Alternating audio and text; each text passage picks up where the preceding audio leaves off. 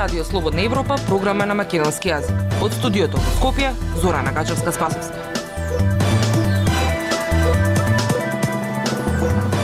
Почитувани, го слушате неделното интервју на Радио Слободна Европа.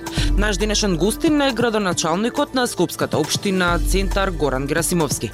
Тој бара централната извршната власт да се вклучат во справувањето со најголемиот проблем на општините, тоа се дивоградбите, преку измени на закони со кои ќе им се овозможи да конфискуваат нелегално изградени објекти на државно земјиште. Но во кривичниот законник веќе постои таква можност за одземање на недвижнини кои се бесправно изградени, само преку судска процедура. Со него зборувавме и за улицата 9 мај зад универзалната сала во Скопје која пропадна поради грешки во изведбата на новата зграда на инвесторот Бењапи, како и за тоа дали кон него ќе има кривична пријава. Слушајте не. Градоначалнику, поднесоте иницијатива до ЗОС за конфискација на дивоградби, изградени на државно земјиште. Какви се вашите очекувања за оваа иницијатива? Увидувајќи го проблемот кој, кој каков беше потикот и зашто е поднесена иницијативата од моја страна, При тоа што се соочуваме со проблем со одредени дивоградби кои што се градат на државно земјиште во зелен појас, иако е постапено целосно од наша страна како општина, поставени жолти ленти, пишани казни за отстранување и рушење на дивоизграден објект, се соочуваме со огромни финансиски средства кои што треба да ги искористиме за него отстранување. А, ние за два објекти кои што се планирани за одстранување последниот месец потребни ни беа околу 5 милиони денари. За истите ги оневозможиме да бидат во функционална да бидат функционални и се соочуваме со проблем да се срушат неколку стуба од од објектот, тој не е во можност да да биде функционален и да да работи, но во истиот се населуваат роми, се населуваат бездомници, стварат дополнителни проблеми во во околината, а за да остранеме целиот целиот објект, потребни се неколку пати дуплирани а, тие средства и представува огромен проблем на општината и на општинскиот буџет. Какви ви се вашите планови? Што понатака со тие дивоградби доколку ви сусва една ваква иницијатива, имајќи предвид дека јавниот простор е веќе узурпиран, а, а, а основната цел на агенцијата за конфискација на имота е да го продаде земјиштето што ќе го конфискува. А, дали може би размислите или го осмислите тој дел со можноста инвеститорите после на лицитација да си ги откупат дивоградбите? Значи, гледаме прво можноста да истите се конфискуваат да преку одземен имот и се даваат за потреби на предимство да имаат општините. Секогаш имаме потребни од дополнителни канцеларии, би ги дале на невладен сектор, на организации кои што имаат потреба да функционираат, имаме потреба од пензионерски домови и така натаму, имаме многу можности за што би ги искористили листите. Зборувате за промени на два закони, но веќе во кривичниот законник во членот 244 ми се чини дека стои веќе опцијата покрај а, казна затвор за сторител бесправно изграден а, објект да му биде и одземен а, објектот. Зошто досега ова во пракса не се спроведува? Во минатото имало и член во законот и ингеренции самите градежни инспектори во, во општините од 2009 кои што укина да имаат можност за конфискација.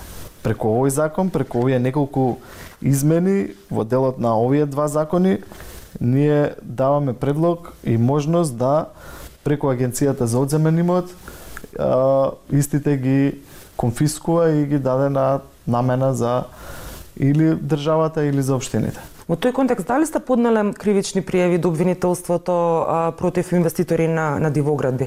Во минатото има поднесено кривични пријави за несовесни инвеститори. Ние неколку пати ги имаме и казнувано и во тек на градба и од која ќе заврши градбата имаме и затворени градилишта со години, но а, јас секогаш барам друг начин на решение тоа затварање на градилиште стои грда слика и грд објект кој што нема функционалност и со, со години само смета во околината. Според судската пракса нема многу правни разрешници на вакви случаи каде што велите дека биле поднесувани кривични пријави за инвеститори кои што бесправно граделе. Дали во таква ситуација единствениот излез вие само алтернативни решенија за да на крајот се спроведе законот, кога веќе обвинителството и судството не го вршат својот дел од работата? Некои судски одлуки одат споро, а, некои решенија за за рушење и паѓаат, па по неколку пати пишуваме дополнителни дообјаснувања во решенијата за рушење.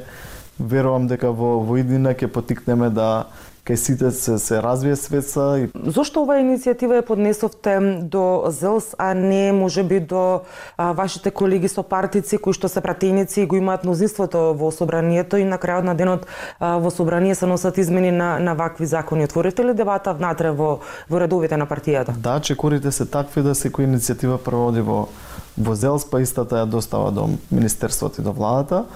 Јас дополнително и покрај доставата до ЗЕЛС, како што и напоменав, побарав и лични средби со министрите, поразговарав со одредени партиски функционери кои што а, имаат можност да дополнително дадат ветер во грб и успееме во, во овие иницијативи. Има согласност од повеќе страни. Верувам дека, како што нагласив, со а, повеќе дебати изнајдеме решение и на овој проблем со кој се сочуваме сите. Вие минатата година поднесовте една иницијатива до ЗЛС каде што побаравте измени во законот кај што се кој што се однесува на до оформување на градежна парцела. Што се случи со таа иницијатива? До каде е постапката? Да, законската можност е доколку поседувате 30% од земјиштето да ја дооформите парцелата со останатите 70%. Јас гледајќи го и ветувајќи го тоа и во предизборието бараме начини како да го заштитиме државното земјиште и не го распродаваме. А, направивме предлог иницијатива да се смени таа бројка и 70% доколку имате собственост да можете да ги дооформите останатите 30%, истата е доставена до ЗЕЛС, под ЗЕЛС е доставена мислам дека и до транспорт и врски, на станокот кој што ќе го имам наредните денови со министерот покрај оваа иницијатива ќе отворам темата и за иницијативата 7030. Во моменти во моментов се подготвуваат и други иницијативи од страна на на општината, а ги согледуваме проблемите со кои се соочуваме и на терен и со кои се соочуваат и самите граѓани. На пострмните делови, до деловите на на водно, имаме имаат законска можност да котата се земе од долна улица, а висината е 5 плюс 2 и а, од горната улица они почнуваат да градат од долу и добиваат фактички плюс дополнителни неколку спрата, што го оштетува и самото земјиште и околината, станува збор за а, стрмно земјиште, водно знаеме колку е изградено и што што се сочуваме на водно во моментов се бара начин да преку иницијатива го заштитиме и тоа, односно да котата се зема од долна улица, а не од долните улици да се добие можност за неколку спрата и тоа да го да го стопираме. Ке ве врата малку на иницијативата 1730 како што ја нарековте вие. Таа е поднесена пред една година. Зошто досега не е влезена во собраниска процедура? Имате ли информации од Министерството за транспорт или можеби од пратениците од вашата партија што се случува со таа иницијатива? Зошто не се разгледува? Пред не целосна година да е поднесена самата иницијатива, а, како што нагласив, дополнително на состанокот кој што ќе го имаме, ќе отворам и оваа дискусија за да ги протнеме двете иницијативи и подискутираме околу двете иницијативи и нивни можности за прифаќање и измена на делови од членови во законот. До каде е процедурата за треска? Таму имаме важечки план. Имавме обид за преку регулација брзо го измениме планот Боњаковец 1 и 2, каде што подпаѓа и парцелата на, на Треска. Од страна на градот имавме неколку состаноци, но гледаме дека таа иницијатива остана нерешена, поради тоа што и самиот совет на градот Скопје требаше да изгласа преку регулација да се овозможи правење на, на нов дуб токму на, на таа парцела.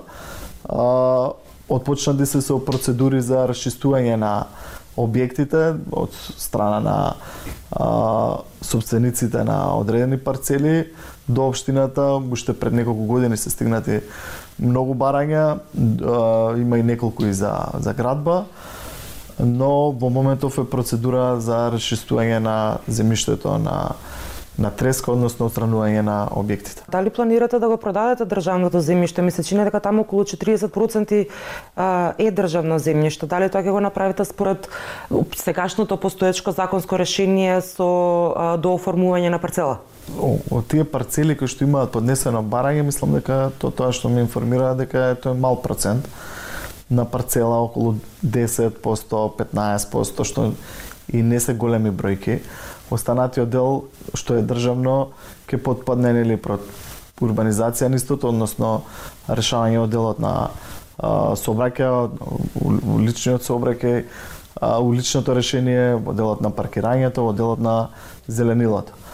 А, иако нема градинка, ние правиме напор да собствениците, односно инвеститорите кои што во иднина би граделе, да во тој дел од општината се направи една градинка која што истите би ја донирале на општината.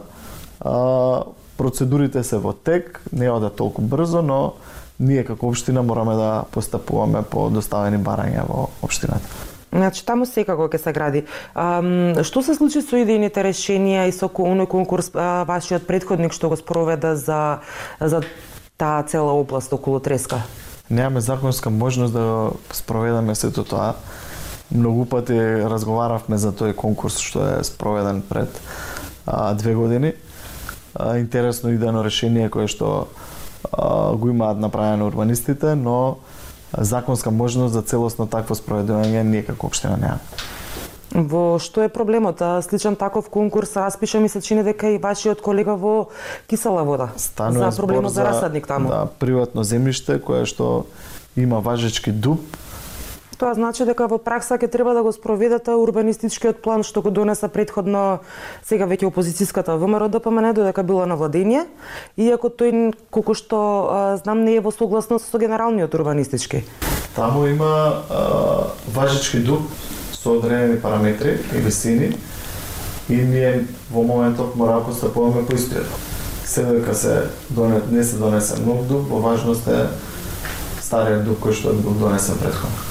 А, инвеститорот Бидњапи инженеринг и изведувачот на терен Арадико, ми се чини се вика фирмата, се казнати со вкупно 12.000 евра за пропаѓање на улицата 9 мај. Таа сума е во вредност за отприлика 6 метри квадратни од еден стан. А, дали сметате дека е тоа доволна казна која што ќе ги натера инвеститорите да ги исправат направените грешки? На 9 мај имаме еден несовесен инвеститор кој што има направена огромна штета на граѓаните кои што живеат таму и на општината. А, од страна на нашите инспектори се пишани казни при почнување на градбата и обезбедување на јамата, а, ставена е жолта лента, инвеститорот продолжува со градба, а, по дојава на граѓани дека се отстранети жолтите ленти и се продолжуваат со градба. Јас лично заедно со инспекторите поддржани со екипа од МВР излеговме на терен, ја стопиравме целосно градбата, ги увидовме правните можности што понатаму и како да делуваме како општина.